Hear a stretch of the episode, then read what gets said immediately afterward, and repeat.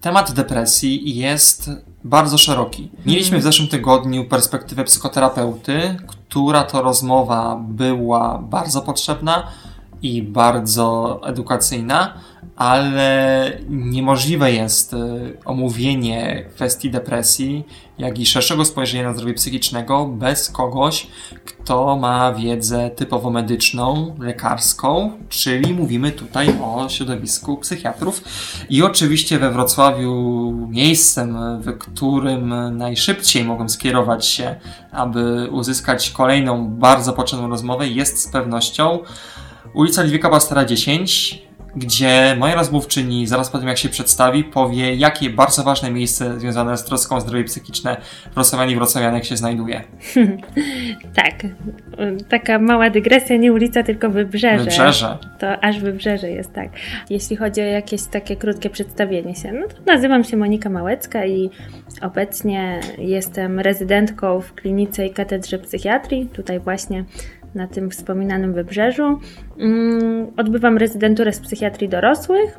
Jestem też doktorantką na katedrze psychiatrii tutaj i to jest takie miejsce na mapie Wrocławia, gdzie można uzyskać wsparcie psychiatryczne, ale też wsparcie psychologiczne i szeroko pojęte wsparcie dotyczące ogólnie naszego jakiegoś takiego dobrostanu psychicznego. Mamy tutaj oddział dzienny, ogólny, e, oddział dzienny leczenia nerwic, też oddział stacjonarny, gdzie zazwyczaj pracuję. Aktualnie robię staż na oddziale dziennym leczenia nerwic przez 3 miesiące, więc mam chwilowe wakacje od oddziału stacjonarnego, czyli całodobowego, natomiast zazwyczaj pracuję na tym stacjonarnym.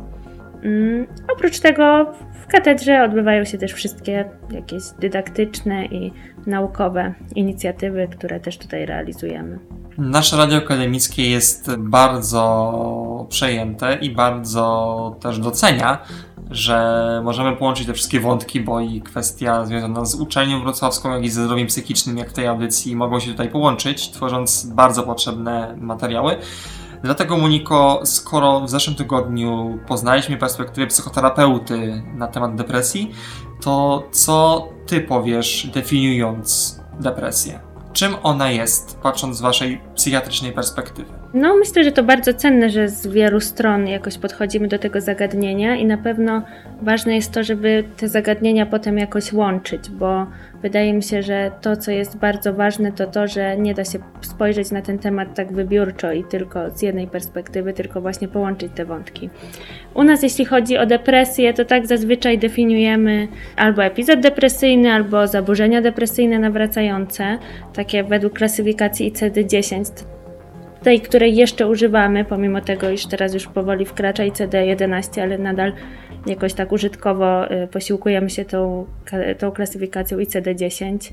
No i mamy tutaj na myśli, jeśli już tak właśnie idziemy mocno, powiedzmy, klasyfikacyjnie i jeśli chodzi o jakieś spełnienie odpowiednich kryteriów, to po prostu osoba, która jakoś przejawia objawy takiego epizodu depresyjnego, musi spełniać przynajmniej dwa z e, trzech takich głównych tak zwanych objawów spełniających e, te kryteria, czyli to jest e, obniżenie nastroju, taka anhedonia, czyli utrata zainteresowań i zdolności do radowania się, do cieszenia się z rzeczy, które wcześniej jakoś sprawiały taką przyjemność i też zmniejszenie energii, które może prowadzić do jakiejś wzmożonej męczliwości czy do mm, takiego szybszego eksploatowania się w wykonywaniu codziennych czynności.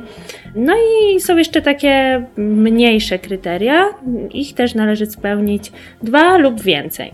I tutaj zazwyczaj jest y, jakieś osłabienie koncentracji, uwagi, nadmierne poczucie winy, jakieś zaburzenia snu, które mogą się albo przejawiać nadmiernym snem, albo problemami ze snem, częstym wybudzaniem się w nocy, bezsennością albo z kolei zbyt szybkim wybudzaniem się. Może to też być zmniejszony apetyt, szczególnie w depresji takiej o charakterze takim melancholijnym, jak były kiedyś podziały.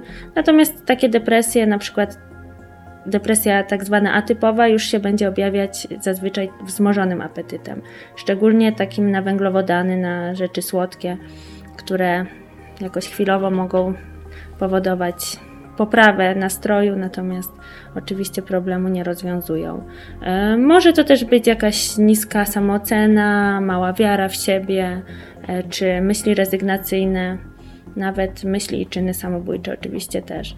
W rozmowie z Wojtkiem mówiliśmy podobnie na temat objawów, za to z Twojej strony, jakie są przyczyny depresji, co współczesna nauka, współczesna medycyna jest w stanie na ten temat powiedzieć? Może zacznę tak od ogółu i przejdę potem do szczegółu. Mm, aktualnie dominuje taka teoria neurorozwojowa, która mm, troszkę łączy te wszystkie wcześniejsze teorie. I ta teoria neurorozwojowa mówi o takich czynnikach epigenetycznych, czyli o takim podłożu depresji wynikającym ze zmiennej ekspresji genów, ale nie sekwencji DNA. A na taką zmienną ekspresję genów mogą wpływać najróżniejsze czynniki, łącznie z czynnikami środowiskowymi. E, więc tutaj mamy szeroki worek i szerokie czynniki, które mogą powodować mm, docelowo no, takie objawy depresyjne. Jedną z teorii, taką teorią, na której opiera się w sumie współczesna farmakoterapia depresji, e, jest hipoteza e, monoaminoergiczna i mm, ona tutaj mówi nam o dysfunkcjach w przekaźnictwie e, w przekaźnictwie serotoninergicznym, w przekaźnictwie noradrenergicznym, dopaminergicznym czy acetylcholinergicznym. E, I na tym też e, się skupiają aktualnie współczesne leki, czyli takie leki jak na przykład te najbardziej rozpowszechnione aktualnie na depresję, czyli SSRI, czyli selektywne inhibitory wychwytu zwrotnego serotoniny.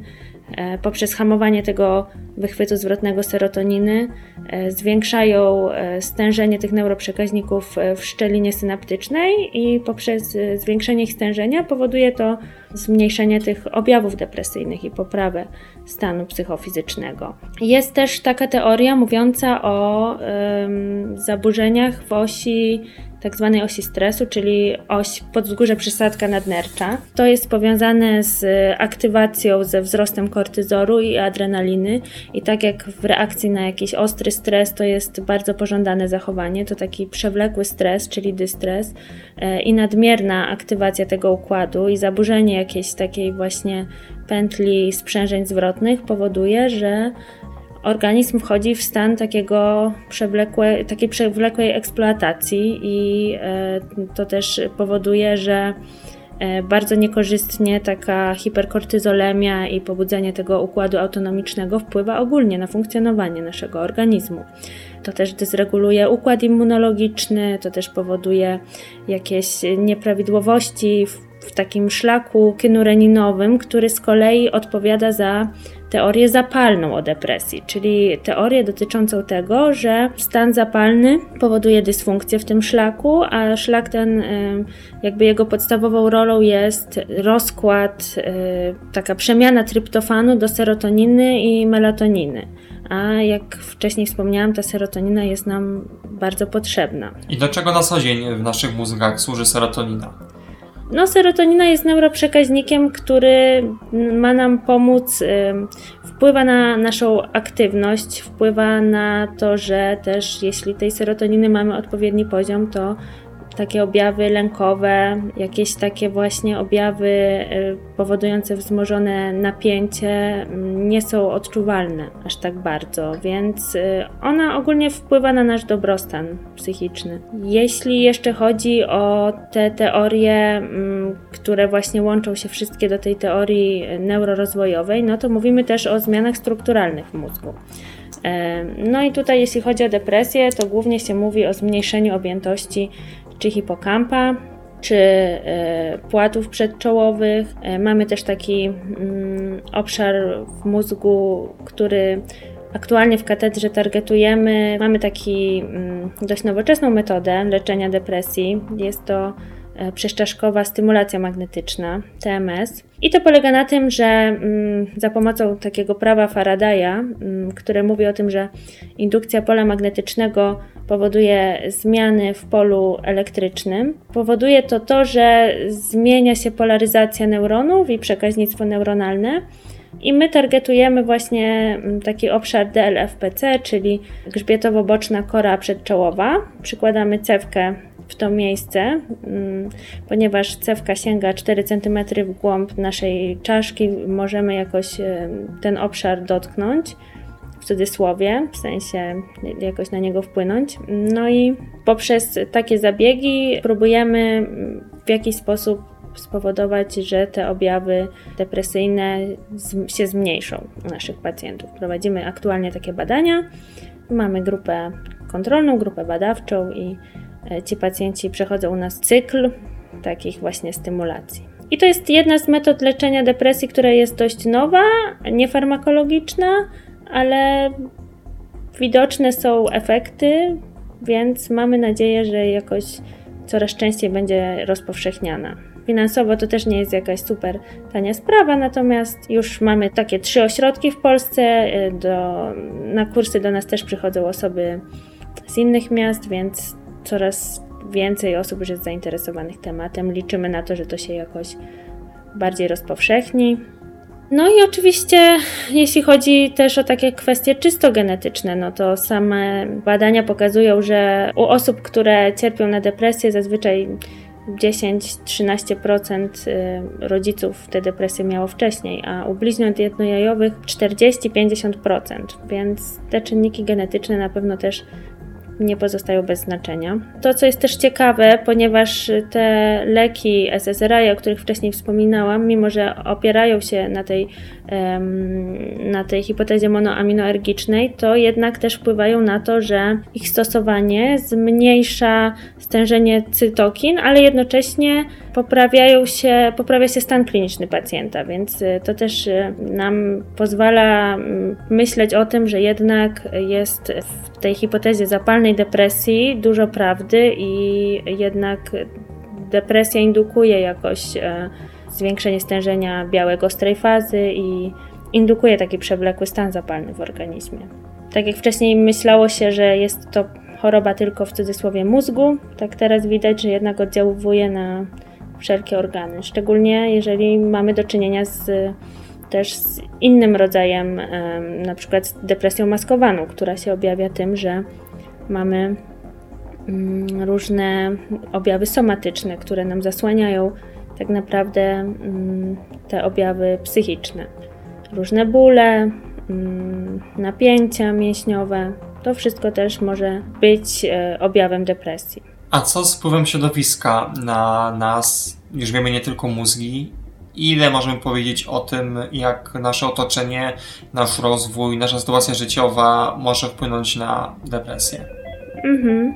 Teraz jest taki model trójczynnikowy, biopsychospołeczny, model zdrowia, który mówi nam o tym, że oprócz tej biologii bardzo ważne są też czynniki psychologiczne i społeczne. I wydaje się, że nawet w tych wcześniej przytoczonych informacjach, które podałam o tym, że te 10-13% rodziców miało depresję i następnie dzieci ją mają, to też może wynikać z rodzaju jakichś takich wzorców transgeneracyjnych. Oczywiście bardzo ciężko jest tak generalizować i mówić ogólnie, natomiast niewątpliwie środowisko ma olbrzymi wpływ na występowanie mm, zaburzeń depresyjnych, na występowanie zaburzeń psychicznych y, u, u danej osoby.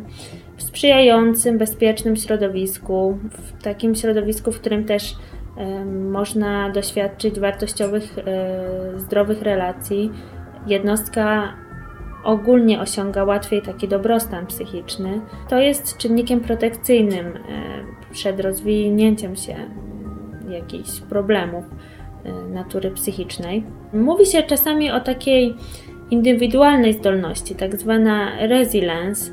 Ciężko jest to tak naprawdę przetłumaczyć na język polski. Mm, można to tak przetłumaczyć, że to jest jakiegoś rodzaju prężność, czy powiedzmy taka szczepionka, ale szczepionka w takim znaczeniu, że e, osoby z e, taką wysoką resilience mają większą odporność na jakieś stresory mm, zewnętrzne, przez co łatwiej sobie radzą z niektórymi problemami.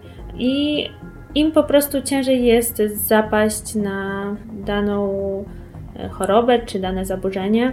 Oczywiście to też wynika z jakichś elementów temperamentu, takich e, cech charakterologicznych, e, ogólnie też stopnia reaktywności układu nerwowego. To wszystko jest bardzo złożone, ale jednocześnie widać, że osoby o takiej wysokiej resilience mają zwiększoną odporność na, na takie czynniki, które mogą jakoś powodować występowanie tych zaburzeń.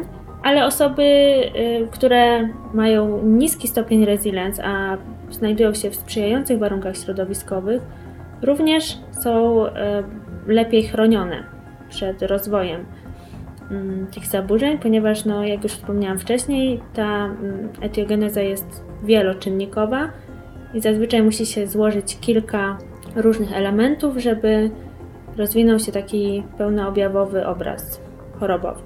Wiemy, mówiliśmy o tym tydzień temu, mówimy dzisiaj o początkach depresji, ale gdybyś miała, zwłaszcza dla naszego środowiska studenckiego, powiedzieć o czymś, co zarówno w naszej sytuacji, jak i wśród naszych znajomych, przyjaciół, bliskich osób na studiach, powinno być sygnałem, i to takim sygnałem, który Oczywiście nie powinniśmy traktować jako coś złego, bo o tym też rozmawiamy, jak nie stygmatyzować e, tematów związanych z depresją, ale gdybyś kilka kwestii mogła nam e, rozjaśnić, na co szczególnie zwrócić uwagę, jakie symptomy, mm -hmm. jakie reakcje właśnie w naszej grupie młodych dorosłych mogą być rzeczywiście sygnałem, który wskaże że warto przyjrzeć się temu, co się z nami dzieje, co z innymi osobami się dzieje w naszym środowisku?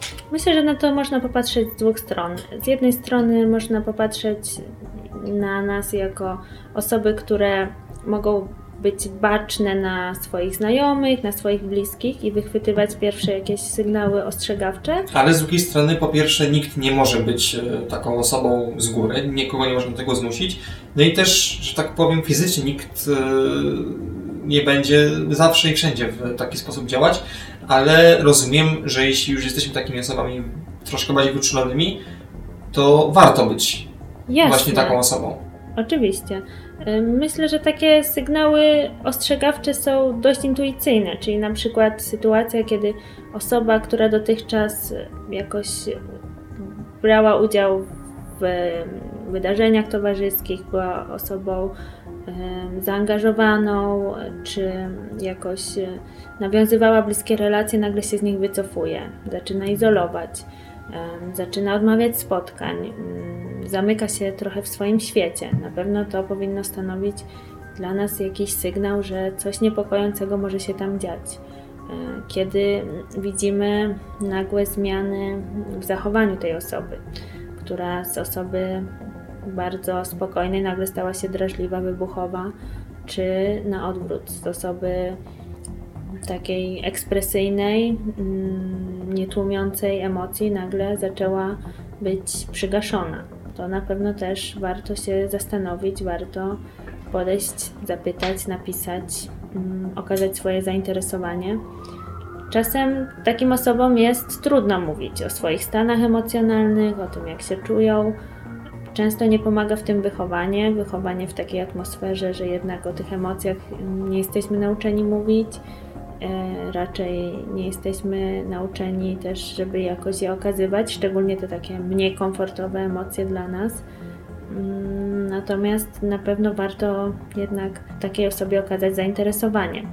Druga strona medalu to z kolei taka nasza uważność na siebie, myślę, czyli warto zwracać uwagę na takie rzeczy, które mogą stanowić jakiś pierwszy sygnał ostrzegawczy, że coś się z nami dzieje nie tak. Czyli na przykład zaburzenia snu. Nigdy wcześniej nie mieliśmy problemów ze spaniem, a tutaj nagle się okazuje, że potrafimy przespać 16 godzin. Albo z kolei wybudzamy się wcześniej, mimo że wcześniej mogliśmy spać aż nas ktoś nie obudził, albo aż nie obudził nas budzi. Albo nieregularność, bo możemy poruszać się po całym spektrum. Jasne, też zaburzenie jakichś rytmów okołodobowych, jak najbardziej. To też powinno stanowić dla nas jakiś taki sygnał, że może organizm daje nam jakieś znaki, że jakiś pojawił się stres, pojawiła się jakaś sytuacja, która może wymaga jakiegoś przyjrzenia się jej i takiego mm, właśnie zastanowienia się, jaki może być jej powód. Czy takie nagła właśnie utrata zainteresowania. Ta, o której już wcześniej mówiłam, gdy mówiliśmy o jakichś takich kryteriach diagnostycznych z ICD-10, że wcześniej coś, co lubiliśmy robić, nagle nie odczuwamy żadnych emocji z tym związanych. Często depresja nie jest tak naprawdę jakimś takim wielkim smutku. Czasem to po prostu jest o nieodczuwaniu żadnych emocji. I ona też nie oznacza, że nie możemy odczuwać radości, nie możemy się śmiać. Wszystkie, albo przynajmniej większość takich emocji mogą być dla nas w sumie tak samo dostępne, tak samo obecne jak przed wystąpieniem objawów. Oczywiście. Jasne. To nie jest tak, że nie możemy być kimś, kto będzie po prostu królem imprezy, będziemy się śmiać, będziemy bez żadnych kłopotów rozmawiać ze znajomymi, czy nawet z rodziną, a jednak na przykład zostając samemu ze sobą, możemy zmieniać sytuację o 180 stopni. Mhm. Myślę, że czasem to też jest w mechanizmie takiej, takiej obrony, takiej trochę przybrania takiej maski, może błazna, może komika. Staramy się bardzo mm, na zewnątrz pokazać to nasze zadowolenie, entuzjazm, a w środku tak naprawdę cierpimy. Tylko jakoś trudno jest nam się tym cierpieniem podzielić i wolimy cierpieć w samotności, a na zewnątrz, wśród ludzi zgrywać osobę, która jest zadowolona z życia i, i szczęśliwa. Czego nie powinniśmy mówić na temat depresji? Na pewno, no już chyba wszyscy znają slogan idź pobiegaj mm, albo weź się w garść. To nie są takie komunikaty, które osoba, które osoba w depresji może przyjąć. To nie są też komunikaty, które w jakikolwiek sposób mogłyby tej osobie pomóc. Bardziej pokazuje duże niezrozumienie osoby, która taki komunikat nadaje. Przyczyny depresji są złożone i takie pójście pobiegać, czy pójście, wyjście na ślęże, czy zajęcie się czymś nie pomoże osobie, która przeżywa, doświadcza olbrzymiego kryzysu psychicznego. Myślę, że warto się też powstrzymać od dawania rad. To, czego potrzebuje taka osoba, chociaż czasem jest y, na to bardzo oporna, mm, szczególnie jeżeli towarzyszy tej depresji też takie e, poczucie winy i poczucie obniżona samoocena, ale też takie poczucie winy, że jest się ciężarem dla innych. Często taka osoba wtedy stroni od tych kontaktów z innymi, a tak naprawdę bardzo ich potrzebuje.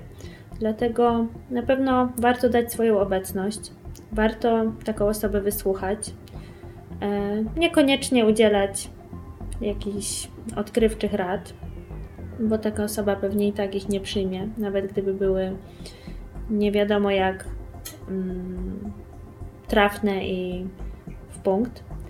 Y, no i po prostu być, być z tą osobą. Mm, myślę, że warto też takiej osobie, która widzimy, że przeżywa jakiś kryzys psychiczny, uświadomić, że może sięgnąć po pomoc, że nie jest w tym sama. I ta pomoc, taka nasza koleżeńska, na pewno będzie cenna, ale też warto, żeby taka osoba się udała wtedy do specjalisty, zasięgnęła pomocy. Czy to będzie psychoterapeuta, czy to będzie lekarz psychiatra.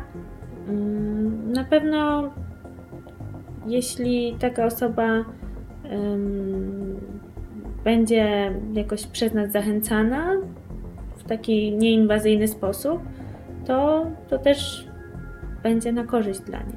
Według Ciebie warto jest pomóc osobie, która chce rozpocząć terapię, chce rozpocząć działanie w tym procesie, jeśli widzimy jej wolę, to jak według Ciebie powinniśmy dobrze do tego podejść? Rozumiem, że nawet fizyczne pójście z tą osobą, czy później pomoc jej w codziennym funkcjonowaniu z naszej strony może być nieoceniona? Na pewno. Mm, to też jest ważne, żeby ta motywacja. My najbardziej lubimy, jeżeli pacjent jest zmotywowany wewnętrznie, czyli jeżeli ta motywa... motywacja do terapii, motywacja do leczenia pochodzi od niego. I czy możemy jakoś rozpoznać, w sobie również, ale też w innych osobach, kiedy taka motywacja właśnie się pojawia? Jak już się taka motywacja wewnętrzna pojawi, to raczej ją rozpoznamy. Czasem jest trudno, czasem pojawia się jakaś ambiwalencja. Z jednej strony czujemy, że to ten moment, że moglibyśmy skorzystać z pomocy, z drugiej strony wydaje nam się, że jeszcze nie czas, jeszcze może być gorzej, mam inne sprawy, pojawiają się wymówki, jakieś racjonalizacje. Nie ukrywam, że wielu pacjentów, którzy przychodzą do gabinetów, mają tę motywację troszkę zewnętrzną. Zazwyczaj za czyjąś namową, czy to wysłała mnie dziewczyna, czy przyszłam, bo rodzice mi kazali. Tacy pacjenci czasem są nie do końca współpracujący, bo nie są też do końca przekonani o tym, że potrzebują pomocy. Natomiast czasem w trakcie terapii może to się zmienić, w trakcie leczenia. E, dlatego, mimo że motywacja zewnętrzna nie jest najlepszym rodzajem motywacji, to też jest cenna. Jakiś, myślę, każdy ten moment, kiedy dana osoba podejmie się, rozpocznie, jest ważny. Przejdźmy teraz do Waszej działalności. Jak wygląda pierwsza wizyta, jeśli się skierujemy do psychiatry? Pierwsza wizyta u psychiatry to przede wszystkim długa i szczegółowa rozmowa. I na to się trzeba nastawić. Wielu pacjentów, szczególnie takich, którzy przychodzą na pierwszorazową wizytę, ma mnóstwo obaw i lęku związanych i z tym, że sytuacja jest dla nich nowa, nieznana, nie wiedzą do końca czego się spodziewać. Z tego lęku czasem zapominają o czymś powiedzieć, czasem um, boją się, boją się oceny, e, boją się tego, że w jakiś sposób to, co powiedzą, będzie zagrażające.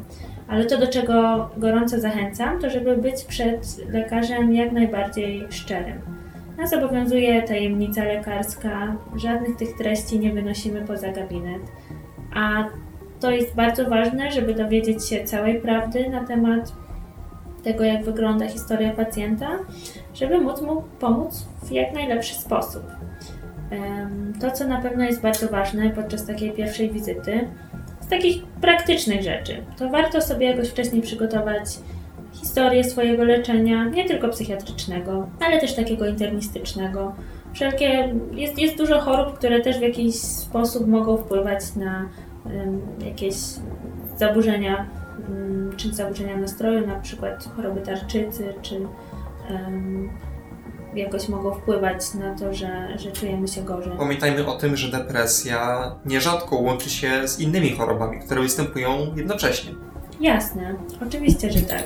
Czy choroba Cushinga, czy niedoczynność tarczycy, choroby sercowo-naczyniowe, często jakieś trudne onkologiczne sytuacje, czy z kolei jest nawet cała działka psychodermatologii, bardzo nierzadko to się łączy. Mm, jest mnóstwo, mnóstwo chorób, które w jakiś sposób towarzyszą zaburzeniom psychicznym i vice versa. Więc ta historia leczenia, jeśli są jakieś badania obrazowe, badania krwi, wszystko to warto ze sobą przynieść. Takie aktualne i y, w przeszłości leczenie farmakologiczne, alergie na leki, przebyte operacje w przeszłości, urazy głowy z utratą przytomności. To wszystko warto mieć na uwadze, kierując się po raz pierwszy na taką wizytę do lekarza. E, warto zrobić wcześniej taki wywiad rodzinny i popytać o choroby psychiczne w rodzinie, o to, czy występowały jakieś uzależnienia, czy występowały jakieś próby samobójcze albo samobójstwa. E, można podpytać swoich rodziców, czy było się dzieckiem, które w dzieciństwie się rozwijało prawidłowo, jak przebiegał poród, czy były na początkowych etapach życia jakieś problemy w rozwoju. To wszystko też dla lekarza psychiatry będzie bardzo cenne.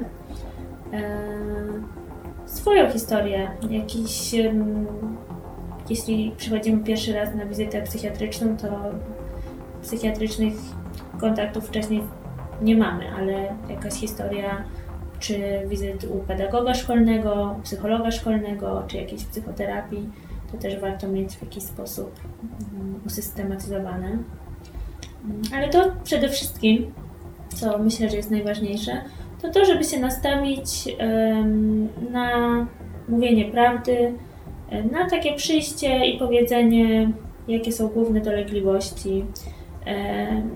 Myślę, że tutaj też ważna jest nasza rola, żebyśmy stworzyli na tyle jakieś przyjazne środowisko w tym gabinecie, żeby pacjent poczuł się na tyle bezpiecznie w tej relacji pacjent-lekarz czy pacjent-terapeuta, żeby mógł się otworzyć, żeby mógł jakoś tak powiedzieć bez nadmiernego lęku o wszystkich swoich obawach. To, co też jest ważne, to to, żeby nie bać się pytać, nie bać się też jakoś artykułować te wszystkie swoje mm, obawy, które się ma w głowie. Bo to też jest ważne, żeby pacjent nie zostawał z tym sam, nie musiał potem jakoś szukać w internecie czy przeglądać ulotki leków, charakterystyki produktów leczniczych, które często, szczególnie pacjentom takim lękowym czy, czy z kręgu takich zaburzeń bardziej obsesyjno-kompulsyjnych też mnóstwo stresu dostarczają. Dlatego ważne jest, żeby to wszystko jakoś nagłośnić, o tym powiedzieć podczas rozmowy na spokojnie. Um, jeśli tak jeszcze myślę o jakichś takich protipach w cudzysłowie przy pierwszej wizycie psychiatrycznej. Przyjść na taką rozmowę. To przede wszystkim. To już jest sukces. To jest bardzo duży sukces i jak najbardziej. Myślę, że to jest chyba taki naj, największy krok zjawić się. Mamy dużo chusteczek higienicznych w gabinecie, więc spokojnie znajdzie się, znajduje się miejsce na wszystkie emocje. Tak. Nie powinniśmy żadnej z nich blokować. Złość, smutek, płacz, to nic, to nic nie jest zabronione w gabinecie. Zazwyczaj takie trzy pierwsze wizyty są diagnostyczne, więc patrzymy i zastanawiamy się, jaką postawić diagnozę, e, bo warunkiem jakiejś takiej udanej terapii jest dobra diagnoza. Natomiast na pierwszych wizytach często też już wprowadzamy jakieś leczenie, czy w postaci farmakoterapii, czy zalecenia psychoterapii. E, I staramy się temu pacjentowi po prostu pomóc. E, w przypadku takich właśnie zaburzeń depresyjnych to leczenie jest zazwyczaj skojarzone, czyli farmako i psychoterapia e, w większości przypadków. Teraz już się też odchodzi od takiej tak naprawdę teorii depresji czysto endogennej, która w żaden sposób mm, nie jest spowodowana też tymi czynnikami psychospołecznymi, tak jak już wcześniej o nich mówiliśmy. E, więc ta terapia jest bardzo, bardzo potrzebna. Mm, farmakoterapia. Teraz mamy szereg różnych rozwiązań terapeutycznych. Tak naprawdę w psychiatrii tych, e, tej farmakoterapii jest y, naprawdę sporo. E, mamy duży wybór. To wszystko się zaczęło tak sięgając wstecz do lat 50. XX wieku, kiedy to w magazynach niemieckich po II wojnie światowej leżały, mm, leżały leki tuberkulostatyczne, takie pochodne hydrazyny.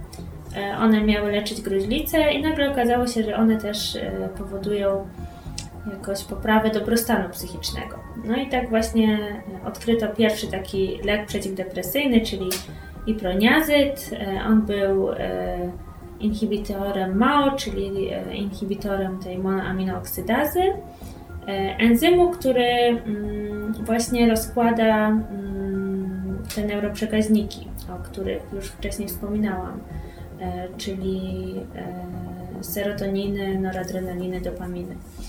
I to był pierwszy taki lek przeciwdepresyjny.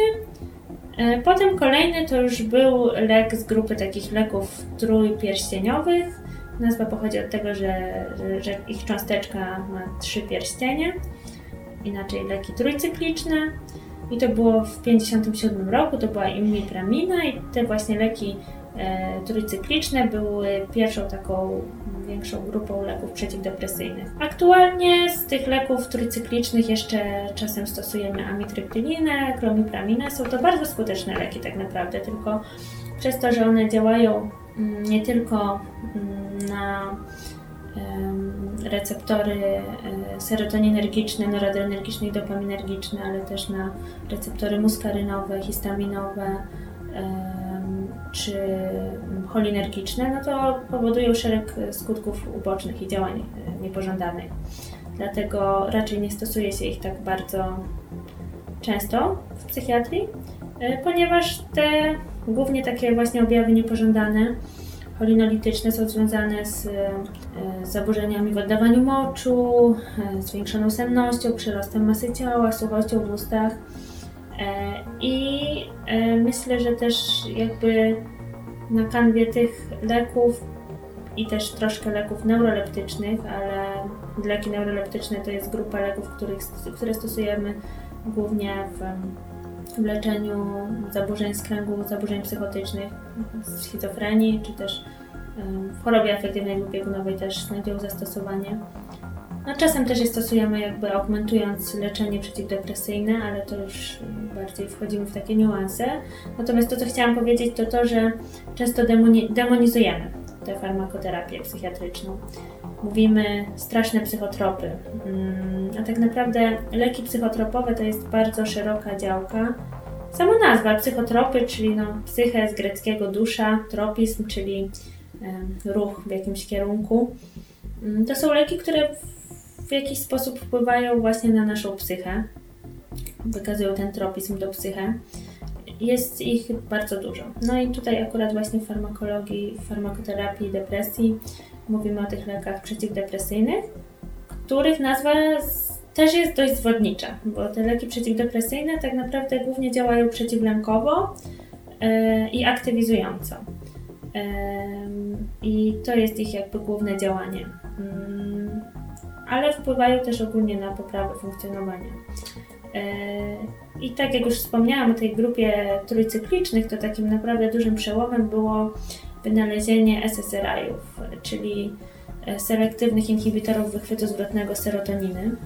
I e, to są takie leki, które hamują ten wychwyt zwrotny serotoniny, przez to jej stężenie w tej szczelinie synaptycznej um, rośnie. Um, no i to powoduje, że, że te objawy depresyjne się zmniejszają.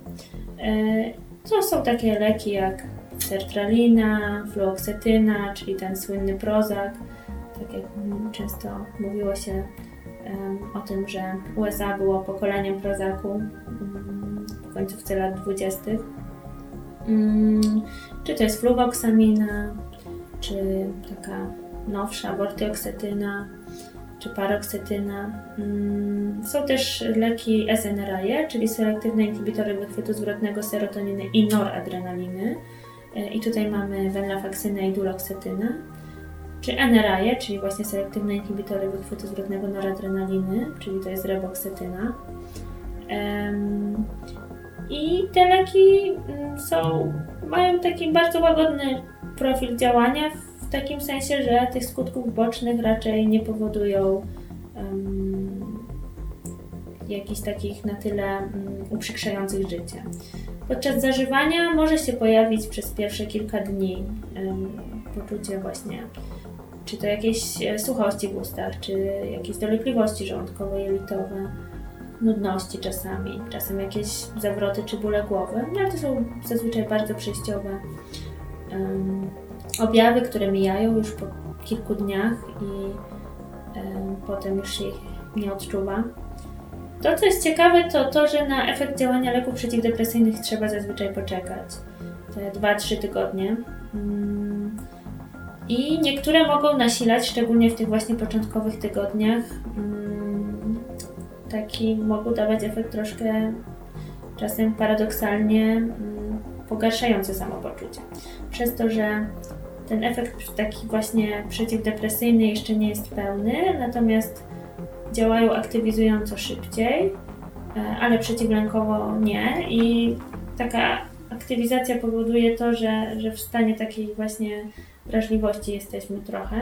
Mm, natomiast ten efekt mija, ale warto to pacjentom zaznaczać mm, podczas wizyty, mówić o tym, że może być taki okres przejściowy troszkę gorszy, gorszego samopoczucia. Trzeba być wyczulonym na to, jak dana osoba się czuje, bo to może być dla niej ciężki czas. Czasem my doraźnie zapisujemy jakieś leki, takie typowo przeciwlękowe, które mają łagodzić ten stan y, na ten okres dwóch tygodni, żeby pacjenta przeprowadzić w miarę bezboleśnie. Y, nie często to się dzieje. To nie jest tak, że jakoś każdy pacjent to odczuwa, natomiast mm, niektórzy tak mają faktycznie mm, to, na to trzeba być uczulonym.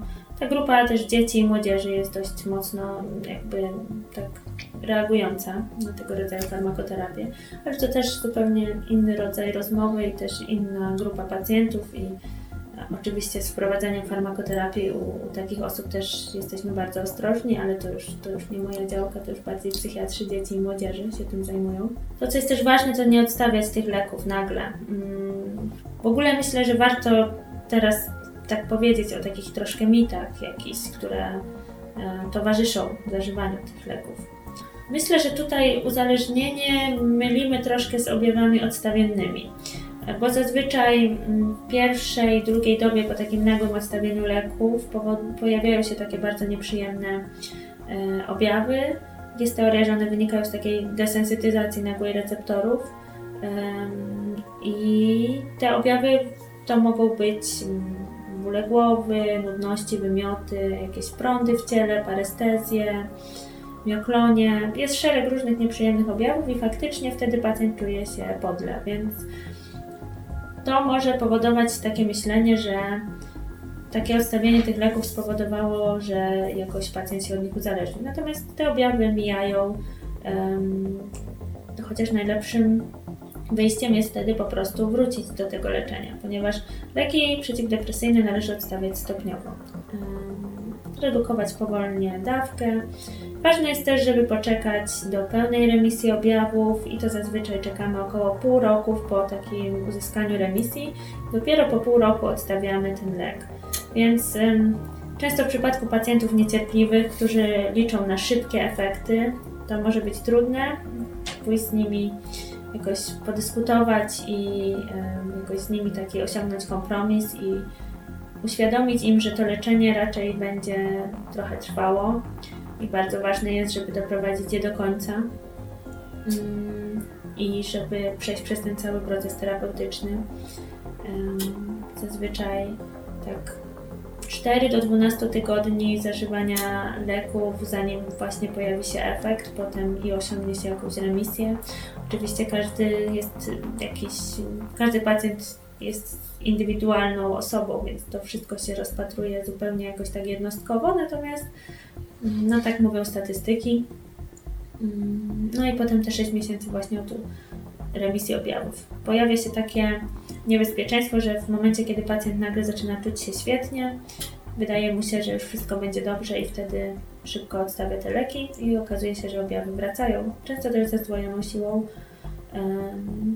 więc przestrzegam przed tym, żeby jednak te kuracje lekowe doprowadzać do końca i być cierpliwym.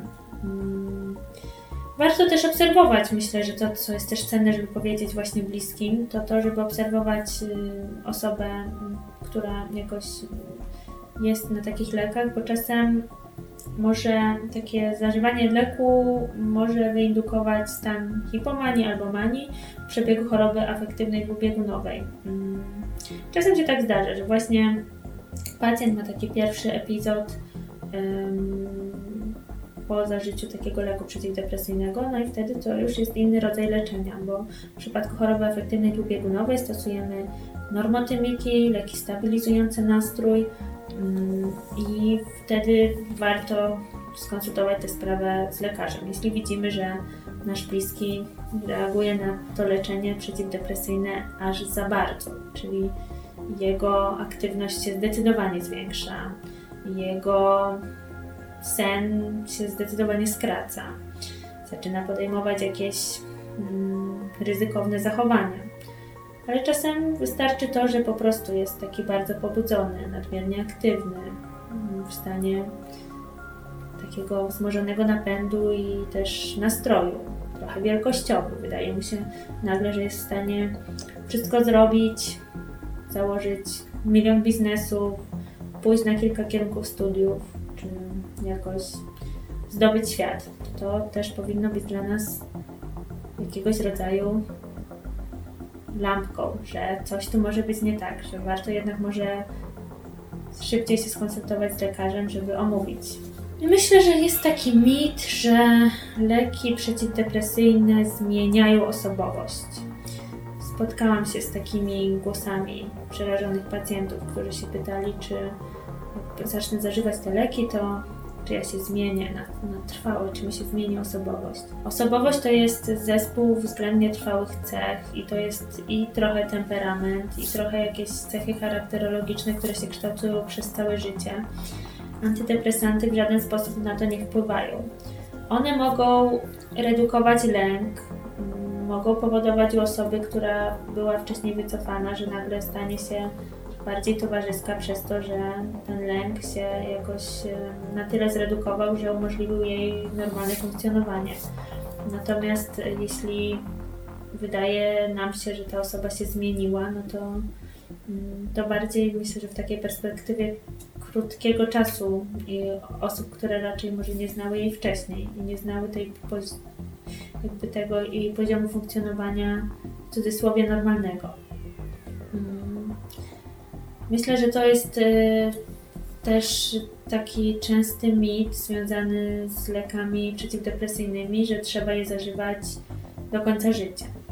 Y, w przypadku mm, takich zaburzeń depresyjnych nawracających, kiedy tych epizodów już było powyżej trzech, to faktycznie ta farmakoterapia jest raczej wskazana jako, że powinna ona trwać długo i być długotrwała. Natomiast w przypadku epizodu depresyjnego, który się pojawił, jeżeli to leczenie zostanie przeprowadzone skutecznie od A do Z, od początku do końca, bez wcześniejszych e, odstawień, to mm, z dużym prawdopodobieństwem możemy powiedzieć, że to leczenie się zakończy przy też towarzyszącej psychoterapii, bo często jednak musimy pewne sprawy w sobie przepracować, żeby mm, móc jakoś też dobrze funkcjonować. Myślę jeszcze o jakichś mitach, które towarzyszą leczeniu. No właśnie, na przykład to, że leki przeciwdepresyjne powodują tycie. U osób z taką depresją, która, mm, której jednym z objawów były jakieś zaburzenia łaknienia, w tym sensie, że spadek apetytu, to mm, leczenie może powodować tycie w takim sensie, że tej osobie wraca apetyt. Natomiast leki przeciwdepresyjne same z siebie raczej tego tycia nie powodują.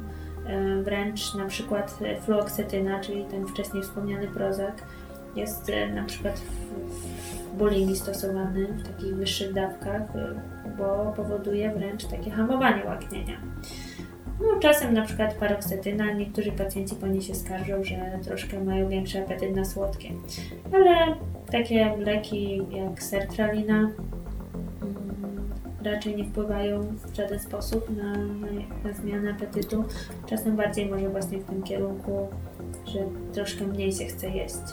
Że psychotropy, po nich się jest zombie, że śpi się i albo jest się bardzo otumanionym Myślę, że to bardziej takie właśnie spojrzenie na, na te psychotropy rozumiane jako takie klasyczne neuroleptyki, które faktycznie mogą troszkę powodować takie objawy. Natomiast w dobie współczesnej farmakoterapii już zupełnie to nie jest problem taki spotykany, a na pewno nie w leczeniu zaburzeń depresyjnych. Teraz mamy całkiem skuteczne leki, które takich objawów nie, nie powodują, niepożądanych, więc to jest całkowity mit część osób może na przykład obawiać się, że nie będzie pamiętać o zażywaniu leków, albo ma z tym kłopoty, żeby regularnie pamiętać o ich stosowaniu. Tak, to mogę potwierdzić. Y, znam dużo takich sytuacji. Tak, to może wynikać z tego, że często takim zaburzeniom depresyjnym towarzyszą zaburzenia pamięci, koncentracji, uwagi. Te funkcje poznawcze mogą być troszkę osłabione. Eee, Natomiast. Yy... I to jeśli u nas się pojawi, to wcale nie znaczy właśnie, że dzieje się coś złego. Skoro mówisz, że to po prostu może wystąpić. Oczywiście, może wystąpić i też może ustąpić w trakcie leczenia. Co jest też bardzo pozytywnym elementem. Ale to nie jest tak, że jak zauważymy takiego typu sytuację, to znaczy, że, że powinniśmy przestać brać leki, bo chodzi o coś zupełnie odwrotnego. Aha, masz na myśli takie zaburzenia pamięci w trakcie leczenia, które się pojawiły, a nie występowały wcześniej, tak? Tak. Albo inne przyczyny, dlaczego część osób, nawet jeśli już zacznie farmakoterapię, to ma problemy z jej prowadzeniem. Zwłaszcza jeśli ktoś na przykład nie ma w swoim najbliższym środowisku odpowiedniego wsparcia, odpowiedniej liczby osób, czy nawet jednej osoby, która będzie nad nią czuwać i mhm. pomagać to myślę, że tutaj też takim charakterystycznym czymś, co się czasem pojawia przy stosowaniu leków przeciwdepresyjnych i to jest zazwyczaj efekt zbyt wysokiego dawkowania, doboru tej dawki zbyt wysokiej, to jest tak zwana anhedonia polegowa. Czyli taki moment, że pacjent czuje takie mocne spłycenie emocjonalne, mm, taki właśnie niemożność odczuwania przyjemności, e, ale też właśnie takich e, silniejszych emocji. Pacjenci się skarżą, że nie mogą płakać, że nic ich nie rusza, że jakoś nie reagują emocjami, tak jak wcześniej to robili. I to jest dla nich faktycznie uciążliwe. Zazwyczaj w takiej sytuacji po prostu przypatrujemy się, czy ta dawka, którą pacjentowi daliśmy, nie jest zbyt wysoka i ją modyfikujemy. Jeśli chodzi o te zaburzenia pamięci i koncentracji, czasem to występuje też w mechanizmie takiej dysocjacji, czyli takiego sposobu radzenia sobie z jakimś napięciem i stresem, że niektóre rzeczy są dla pacjenta tak trudne do jakiegoś przyjęcia, że woli się od nich tak troszkę zdysocjować, czyli odciąć, w takim sensie, że um, jest też mu to trudno przyjąć. Często jest też tak, że jednak te ślady pamięciowe się nasilają, jeżeli są dla nas w jakiś sposób związane z, emocjo- z emocjami. W przypadku, kiedy te emocje są troszkę przytłumione przez te leki, ciężej jest te ślady sobie tak powiedzmy wyrzeźbić, czy właśnie jakoś je tak stworzyć. Ale tutaj też pozostaje rozwiązaniem modyfikacja dawki i odpowiednie jej dostosowanie. Moniko, ile może trwać farmakoterapia? Jakie mamy spektrum? spektrum mamy bardzo szerokie. W zależności też od tego, czy to jest epizod depresyjny, czy to są zaburzenia depresyjne nawracające. Albo jak wspominałem, mamy połączenie z innymi jednostkami chorobowymi. Tak jest. Bo warto też wspomnieć, że leki przeciwdepresyjne nie są tylko na zaburzenia depresyjne. Można je skutecznie wykorzystywać do zaburzeń lękowych, zaburzeniach obsesyjno-kompulsyjnych, e, w, też w problemach ze snem, w zaburzeniach odżywiania, w zaburzeniach adaptacyjnych, które w związku z aktualną sytuacją na świecie, też PTSD, ostra reakcja na stres, zaburzenia adaptacyjne, to wszystko jakoś nam towarzyszy. Mm, tego będzie teraz też coraz więcej w związku z tym napięciem, które jest dookoła i to tak blisko nas. I te wszystkie leki są skuteczne w leczeniu tych jednostek chorobowych. Te 4-12 tygodni takiego leczenia objawów, no to powiedzmy to nam mówią statystyki, plus 6 miesięcy jakiejś remisji. Natomiast sprawa jest bardzo indywidualna, bo to zależy oczywiście od reakcji pacjenta, od dobrania dawkowania. Zazwyczaj za, zaczynamy od jak najmniejszej dawki, żeby też uniknąć tych objawów niepożądanych. Stopniowo ją zwiększamy. Zanim osiągniemy ten poziom terapeutyczny leku, to też musimy um, zaobserwować, um, jak się pacjent czuje z tym lekiem. Więc to jest proces i to nie jest coś, co można jakoś tak szybciutko zakończyć. Czasem pojawia się konieczność przewlekłego stosowania takich leków, właśnie w przypadku tych nawracających zaburzeń depresyjnych.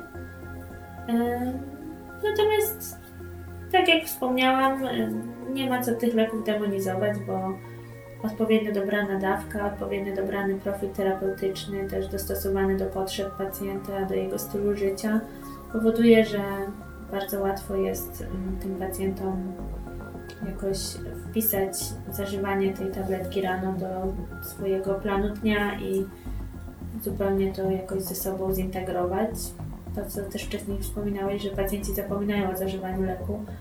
Tutaj też masz, mogą się pojawić jakieś takie pomocne rzeczy w stylu um, pudełek, w, których jest y, saszetka czy miejsce na jeden dzień na przykład poniedziałek, wtorek, środa, czwartek, piątek, sobota, niedziela, przegródka. Można sobie tam włożyć tableteczkę i patrzeć, czy dany dzień się udało zażyć dany lek. Takie techniki trochę powiedzmy poznawczo-behawioralne, ale takie całkiem przydatne. Jeżeli faktycznie pacjent ma taki duży problem, żeby zapamiętać, czy czy zdążył, czy wziął ten lek, czy, czy go nie wziął. Można sobie wykorzystać jakąś aplikację w naszych smartfonach na przykład, mhm. która sama po prostu nam przypomni. O czym akurat będzie też więcej w kolejnych rozmowach, które przygotowałem, bo nowoczesne technologie również będą pomagały w życiu z depresją. Mhm, tak, masz, masz rację. Teraz jest dużo takich aplikacji, które mm, no właśnie głównie opartych na jakichś takich założeniach psychoterapii poznawczo-behawioralnej, bo to jest najłatwiej myślę wdrożyć aplikacji, czyli przygotować jakieś dzienniczki, czy jakieś sposoby um, jakiegoś oceniania natężenia swoich objawów, czy techniki relaksacyjne, czy metoda relaksacji Jacobsona, czy trening autogenny Schulza, czy inne techniki. To wszystko jakoś łatwo można w takiej aplikacji pokazać, czy jakoś pacjentowi dać. Ale myślę, że wraz z tym postępem technologicznym coraz bardziej złożone i czasem też wymagające takiej interakcji, no bo jednak terapia bez drugiego człowieka raczej jest ciężka. Myślę, że też ciężko jest ją zastąpić zupełnie przez aplikację, ale taka aplikacja też może pomóc na pewno poradzić sobie z jakimiś objawami czy z, czy z takim cierpieniem. Natomiast yy, dużo jest teraz też różnego rodzaju takiego kontaktu wirtualnego. Wiadomo, że docelowo najlepszy jest kontakt na żywo, taka fizyczna obecność drugiego człowieka. Ale w momencie, gdy jest niemożliwa, to też taka przez aplikację, to też jest jakaś alternatywa.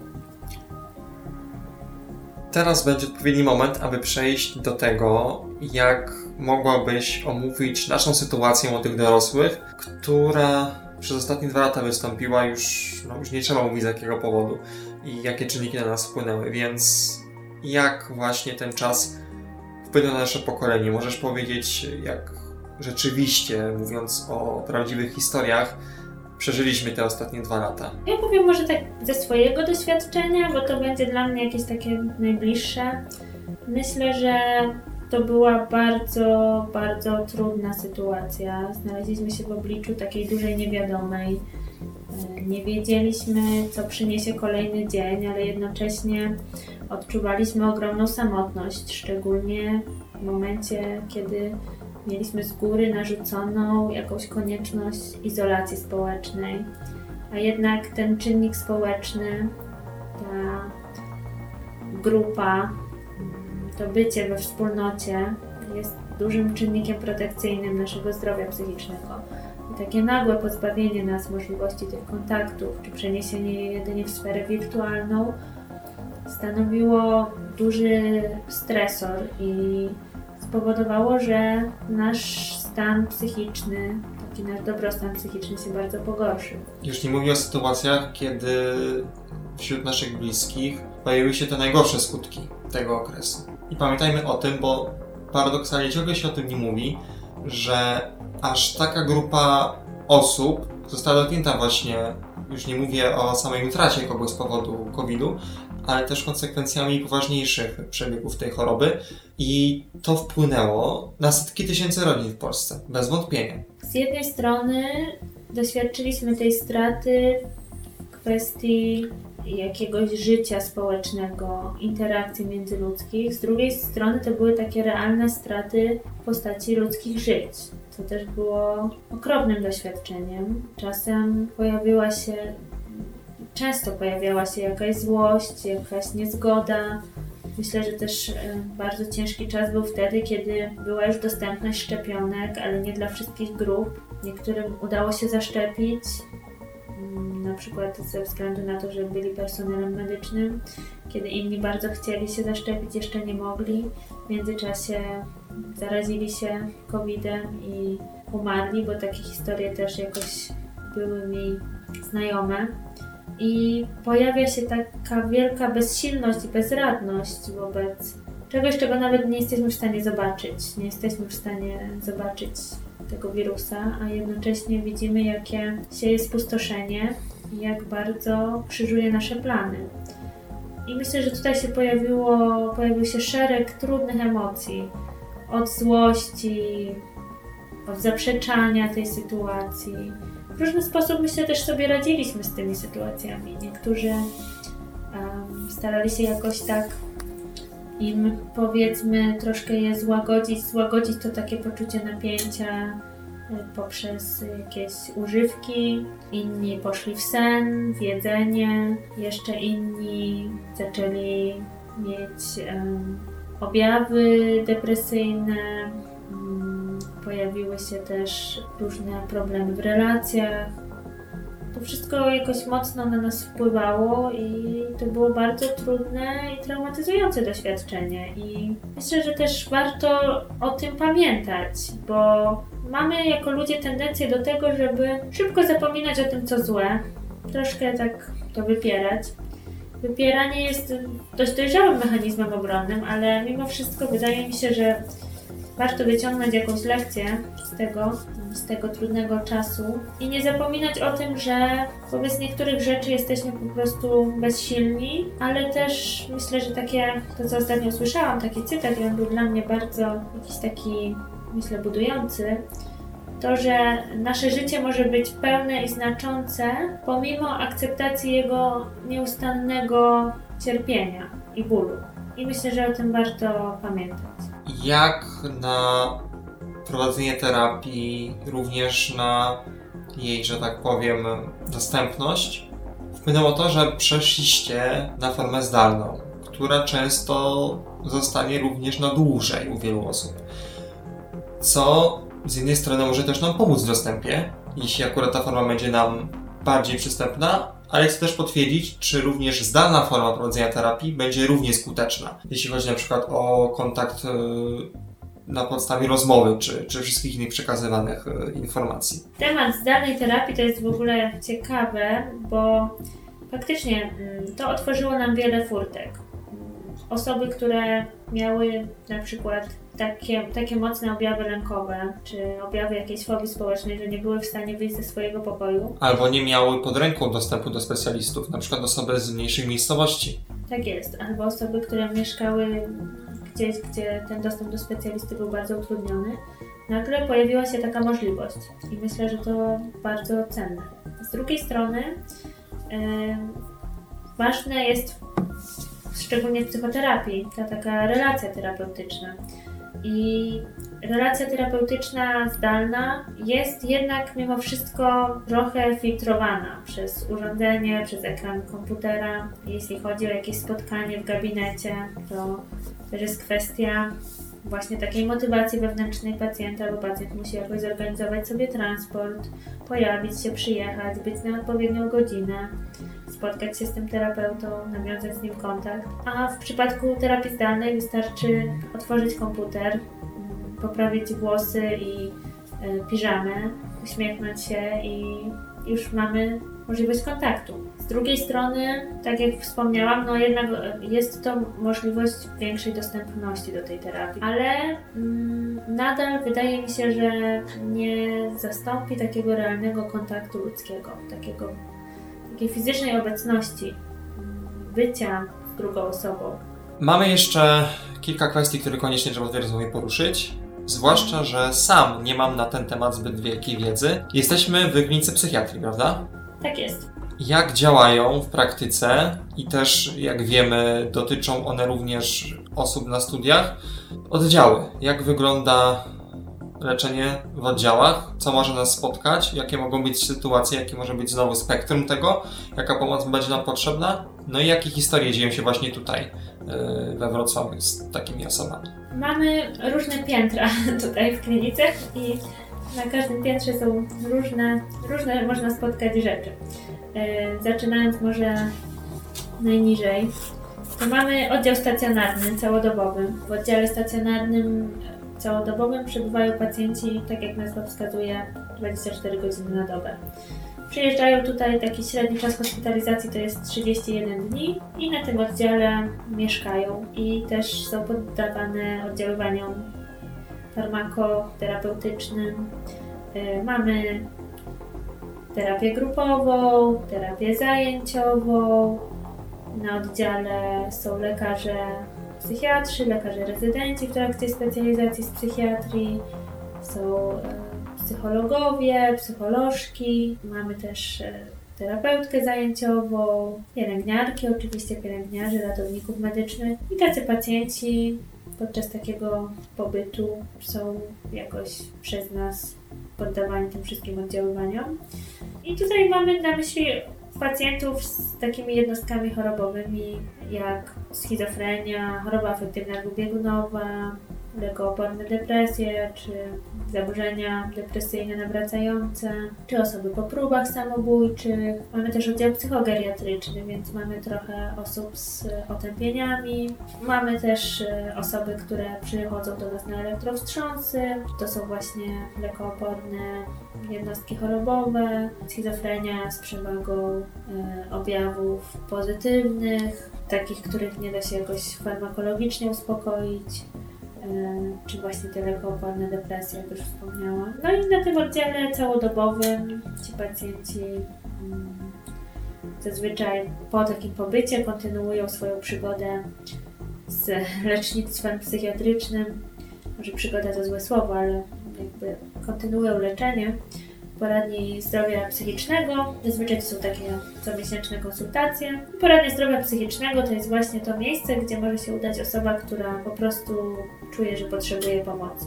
Jeśli chodzi o świadczenia, to my tutaj wszystko mamy na Narodowy Fundusz Zdrowia, więc jest to bezpłatne. Pierwsza wizyta u psychiatra, o której wspominałam, jak się do niej przygotować, to miałam właśnie na myśli albo taką wizytę w poradni zdrowia psychicznego, albo no ogólnie w poradni zdrowia psychicznego. Może to być albo właśnie taka poradnia działająca na NFZ, albo prywatne ośrodki, których też dużo powstało. Mamy teraz takie dwa kierunki. Z jednej strony taka trochę właśnie prywatyzacja psychiatrii, tak jak to się działo na przykład ze stomatologią, a z drugiej strony tworzenie centrum zdrowia psychicznego, które bardziej skupiają się na takim leczeniu środowiskowym, kompleksowym. Mamy nadal na Ostrowskiego takie Centrum Zdrowia Psychicznego. Teraz powstało też e, na Psim Polu, na Kraszewskiego, więc e, to się rozwija mm, i myślę, że to jest też e, bardzo dobre miejsce dla osób z zaburzeniami psychicznymi, ponieważ jednak te osoby są traktowane bardzo kompleksowo. Są tam doradcy zawodowi, są tam terapeuci, są różne formy terapii, więc do pacjenta się podchodzi w taki sposób interdyscyplinarny. Wracając na, natomiast tutaj do nas, oprócz tego stacjonarnego leczenia mamy też oddział dzienny ogólnopsychiatryczny, gdzie pacjenci przychodzą od poniedziałku do piątku w godzinach porannych do zazwyczaj godziny 13. Też są poddawani oddziaływaniom terapeutycznym, ale na noc wracają do swojego domu. To jest taka forma oddziału, która ma pomóc pacjentów tak zaktywizować do życia, jakoś też dać im możliwość kontaktu z drugim człowiekiem. E, I tutaj tacy pacjenci właśnie przychodzą. Ale mamy też oddział dzienny leczenia nerwic, gdzie są 3-miesięczne turnusy. I pacjenci, którzy trafiają na oddział dzienny leczenia nerwic, też na niego przychodzą od, od poniedziałku do piątku, od 9 do 12.30.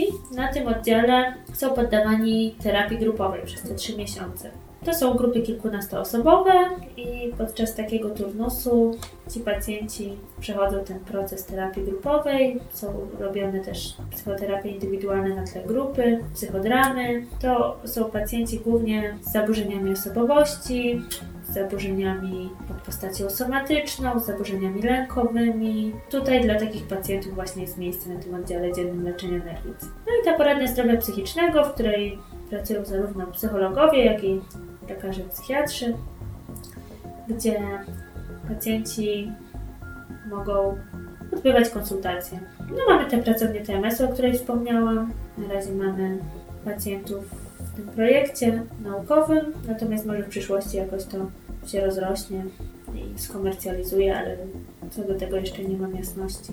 Co właśnie naukowo, badawczo dzieje się tutaj na Uniwersytecie Medycznym we Wrocławiu? Ile osób w ogóle działa w katedrze psychiatrii? Możesz to powiedzieć? Kilkunastu doktorantów, pracowników naukowo-dydaktycznych, kilku, dwóch pracowników naukowych, kilku profesorów zwyczajnych i nadzwyczajnych. Tematyka badawcza zainteresowań jest przeróżna. To, co jest ostatnio bardzo ciekawe, to to, jak e, mikrobiota jelitowa wpływa na różne procesy neurodegeneracyjne. Tym się zajmuje ostatnio u nas w katedrze profesor Misiak ze swoim doktorantem e, Krzyśkiem Kowalskim. E, nasz doktorant Tomek Wieczorek z kolei jest mocno zainteresowany zaburzeniami snu, bruksizmem, bezdechem sennym. Różne badania, które w związku z pandemią pojawiły się. Badaliśmy zaburzenia snu u studentów w dobie pandemii, badaliśmy jak z pandemią radzili sobie pracownicy DPS-u, ZOLI, ale też podopieczni, e, jak pandemia wpłynęła na procesy otępienne i postęp choroby u pensjonariuszy. Cały czas prowadzimy badania dotyczące przeszczeszkowej stymulacji magnetycznej na grupie osób e, z zaburzeniami depresyjnymi, ale też na grupie osób e, OCD z zaburzeniami obsesyjno-kompulsyjnymi. Mamy też kilku pacjentów z zaburzeniami odżywiania, z zaburzeniami typu borderline, wśród których też stosujemy protokoły TMS-owe. Ostatnio też dość mocno badaliśmy tak zwany allostatic load u osób z, z właśnie z, w sumie z ryzykiem różnych chorób psychicznych. Początkowo to były właśnie zaburzenia z kręgu psychos, schizofrenia, ale potem to rozszerzyliśmy też na na inne jednostki chorobowe. E, więc to obciążenie allostatyczne to też jest taki przedmiot naszych badań i zainteresowań. Więc trochę tego jest, trochę się dzieje. Nawiązujemy też różne współprace międzynarodowe. Mamy teraz też stypendystkę z jednego programu grantowego z Anglii, która zajmuje się zaburzeniami obturacji. Oprócz tego prowadzimy też zajęcia dydaktyczne. Mamy studentów 5 i 6 roku. Przedmiot wybieralny, całkiem nowy twór, od kilku lat się dopiero pojawił. Na szóstym roku można sobie wybrać taki przedmiot na 6 tygodni, który interesuje studenta i wtedy jakoś student się bardziej zagłębia w temat. Był ostatnio też egzamin praktyczny w Centrum Symulacji Medycznej przeprowadzany mm, z psychiatrii dla studentów szóstego roku tym stany nagłe w psychiatrii, stany ostre, które badaliśmy, sprawdzaliśmy. E, majaczenie poalkoholowe, stany lękowe, atak paniki. To wszystko jakoś studenci też mieli okazję zweryfikować na tym egzaminie, czy są w mhm. stanie sobie w takich sytuacjach nagłych poradzić. W jakich sytuacjach możemy się zgłosić, także jeśli chodzi o nasze zdrowie psychiczne, także jeśli myślimy o terapii, no i w sumie często też e, po jej początek, e, kiedy możemy się zgłosić do lekarza pierwszego kontaktu i co lekarze pierwszego kontaktu mogą w tej kwestii z nami zrobić. Myślę, że poruszasz bardzo ważny temat, bo często lekarz pierwszego kontaktu, czyli ten lekarz medycyny rodzinnej, lekarz podstawowej opieki zdrowotnej, jest takim pierwszym ogniwem, który, który jakoś spotyka osoby z problemami natury psychicznej.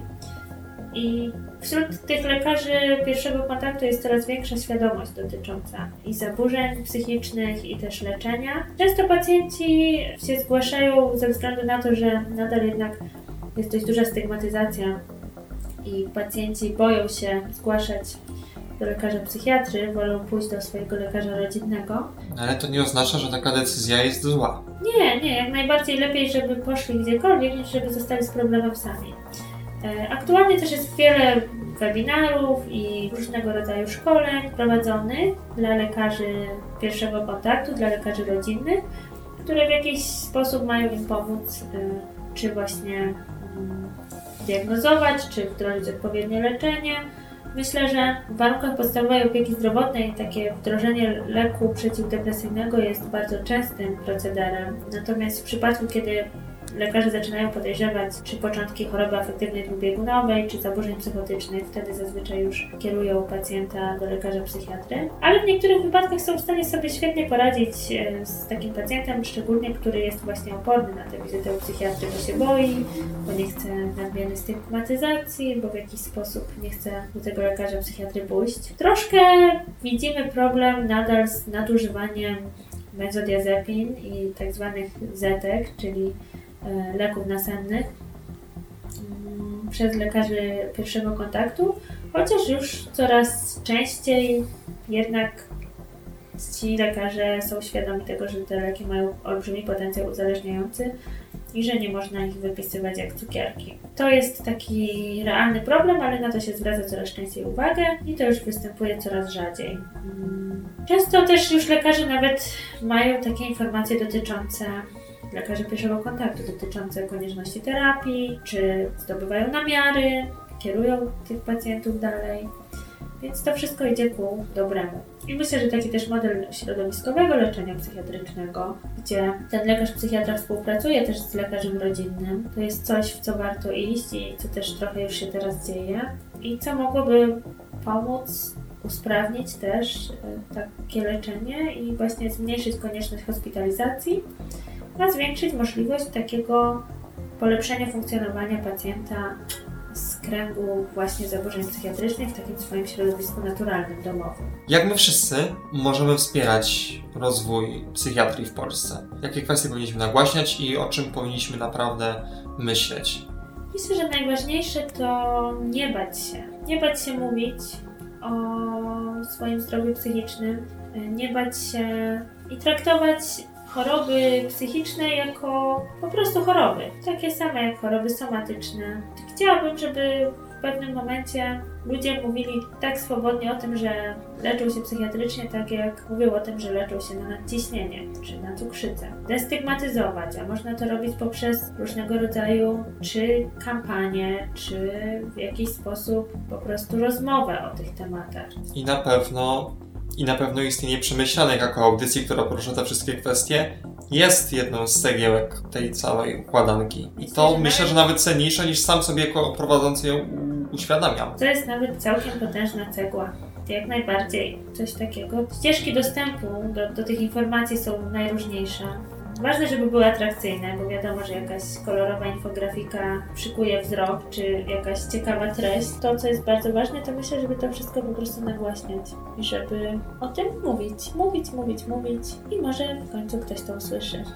I jeszcze w jednej sytuacji chciałbym, aby koniecznie ktoś nas teraz mógł usłyszeć, bo mamy teraz przede wszystkim Ty okazję, aby zwrócić się właśnie do grona osób, których dotyczy depresja, ale też oczywiście wszystkie inne sytuacje, które dotyczą zdrowia psychicznego bądź jakiejś terapii. Co chciałbyś teraz osobiście powiedzieć tej grupie, bo istnieje duże prawdopodobieństwo, że ktoś w takiej sytuacji nas teraz słyszy. Bardzo postaram się starannie dobrać słowa, bo wiem, że w tym wypadku czasem ich nadmiar nie jest pomocny. Chyba taki prosty komunikat. Daj sobie pomóc. Nie bój się poprosić o pomoc. Pozwól sobie nie być z tym sam. Nie chcę mówić będzie dobrze, czy będzie lepiej, bo takie frazesy nie działają, ale zrób ten pierwszy krok dla siebie. Myślę, że, że to jest ważne. Jest jeszcze jedna kwestia, której też nie możemy pominąć rozmawiając y, właśnie w tym momencie historii, w jakim jesteśmy. Jak katedra psychiatrii wspiera osoby, które od zeszłego czwartku znalazły się w zupełnie innej sytuacji. Jak wspieramy społeczność z Ukrainy? Bo oczywiście też te osoby mogą liczyć na, na Was. Oczywiście, sytuacja jest naprawdę trudna. My, jako klinika i katedra psychiatrii, staramy się po prostu pomóc jak najlepiej możemy. Czyli uruchomiliśmy możliwość bezpłatnych konsultacji w naszej poradni zdrowia psychicznego, zarówno konsultacji lekarskich, jak i psychologicznych dla osób doświadczających trudności związanych z sytuacją, z wojną. Te konsultacje są prowadzone zarówno w języku polskim, ale mamy też dostęp do konsultacji w języku ukraińskim i rosyjskim. Jeżeli ktoś potrzebuje pomocy, doświadcza kryzysu, doświadcza zaburzeń adaptacyjnych, ostrej reakcji na stres, po prostu cierpi, jest mu trudno, nie może sobie poradzić z aktualną sytuacją, to zapewniamy wszystkim osobom z Ukrainy bezpłatne konsultacje, możliwość otrzymania takiego wsparcia zarówno przez naszych lekarzy, jak i psychologów. W celu ustalenia terminu porady można się kontaktować albo mailowo, albo telefonicznie od poniedziałku do piątku w godzinach od 9 do 14 z naszą poradnią. Telefon to jest 885 852 297 albo 71784 1610 Natomiast mailowo można się zgłaszać e, pod adres poradnia zp. Porady są udzielane u nas tutaj przy Wybrzeżu Pastera 10 we Wrocławiu w klinice psychiatrii. A druga sprawa jest taka, że uruchomiliśmy też grupę wsparcia dla pracowników, studentów, doktorantów naszego uniwersytetu i te grupy wsparcia powstały dwie. Jedna w poniedziałki, druga w czwartki i też jest oczywiście możliwość skorzystania z tej pomocy. Tylko tutaj, żeby jakoś się zapisać na tę grupę wsparcia, to należy zadzwonić albo też pod ten numer telefonu 717841601 albo napisać na maila psychiatria.umw.edu.pl Tej grupy wsparcia jedna jest w poniedziałek o godzinie 18, druga w czwartek o godzinie 15. Jesteśmy bardzo wdzięczni Wam, że jest e, w takiej sytuacji możliwość e, również e, wsparcia udzielonego z Waszej strony, ale w tym miejscu należą się Wam, całej katedrze, całej klinice podziękowania, na pewno od osób, które wysłuchały tej rozmowy i od nas wszystkich z Akademickiego Radia Luz, że tutaj mogę to powiedzieć, my będziemy współpracować ze sobą i to jest e, dopiero jedna z pierwszych okazji w najbliższych miesiącach, a możliwe i kilku latach, która pomoże stworzyć takie ważne, takie potrzebne rozmowy. Więc jeszcze raz jesteśmy bardzo wdzięczni Wam za to, co robicie. I jeśli Ty chciałbyś na koniec tej rozmowy podsumować coś od siebie, może dzięki tej, tej rozmowie coś sobie mogłeś uświadomić, albo yy, z jakimś przesłaniem, przemyśleniem, no jak w końcu nasza nazwa audycji, yy, możesz teraz yy, być, to podziel się z nami, jak kończymy tę rozmowę, z czym będziemy ją niestety, niestety, ale już kończyli. Przede wszystkim chcę bardzo podziękować Ci za możliwość tej rozmowy, bo była dla mnie bardzo ciekawym doświadczeniem i jeżeli tylko jednej osobie w jakiś sposób pomoże, czy skłoni ją do tego, żeby podjęła się terapii albo leczenia, poczuję, że moja misja została spełniona. Jeszcze raz wielkie dzięki. Mam nadzieję, że pomimo tych trudnych czasów i tej trudnej sytuacji będziemy pamiętać o tym, że nie jesteśmy sami i że pomimo tego bólu i cierpienia to życie może być pełne i znaczące. I wszystkie osoby, które tutaj na wybrzeżu Ludwika Pastera 10 się znajdują, to mogą potwierdzić. Mam taką nadzieję. Ja na pewno. Tak. No i oczywiście w tym miejscu pozdrawiamy naszego ukochanego luzowego przedstawiciela tak jest. tej katedry, to, czyli Tomka Wyczurka, który już tu był wspomniany. Oczywiście trzeba go koniecznie pozdrowić. Bardzo serdecznie go pozdrawiamy. I mamy nadzieję również wspólnie, że tych edukacyjnych treści za pomocą naszego radia powstanie jak najwięcej. Nasze studio, nasze mikrofony są zawsze dostępne dla Was. Tak jest, dziękujemy. Słyszymy Was. Dziękujemy Wam za wysłuchanie tej rozmowy i już dzisiaj zapraszamy na kolejne edukacyjne rozmowy na temat zdrowia psychicznego, które powstaną dla Was.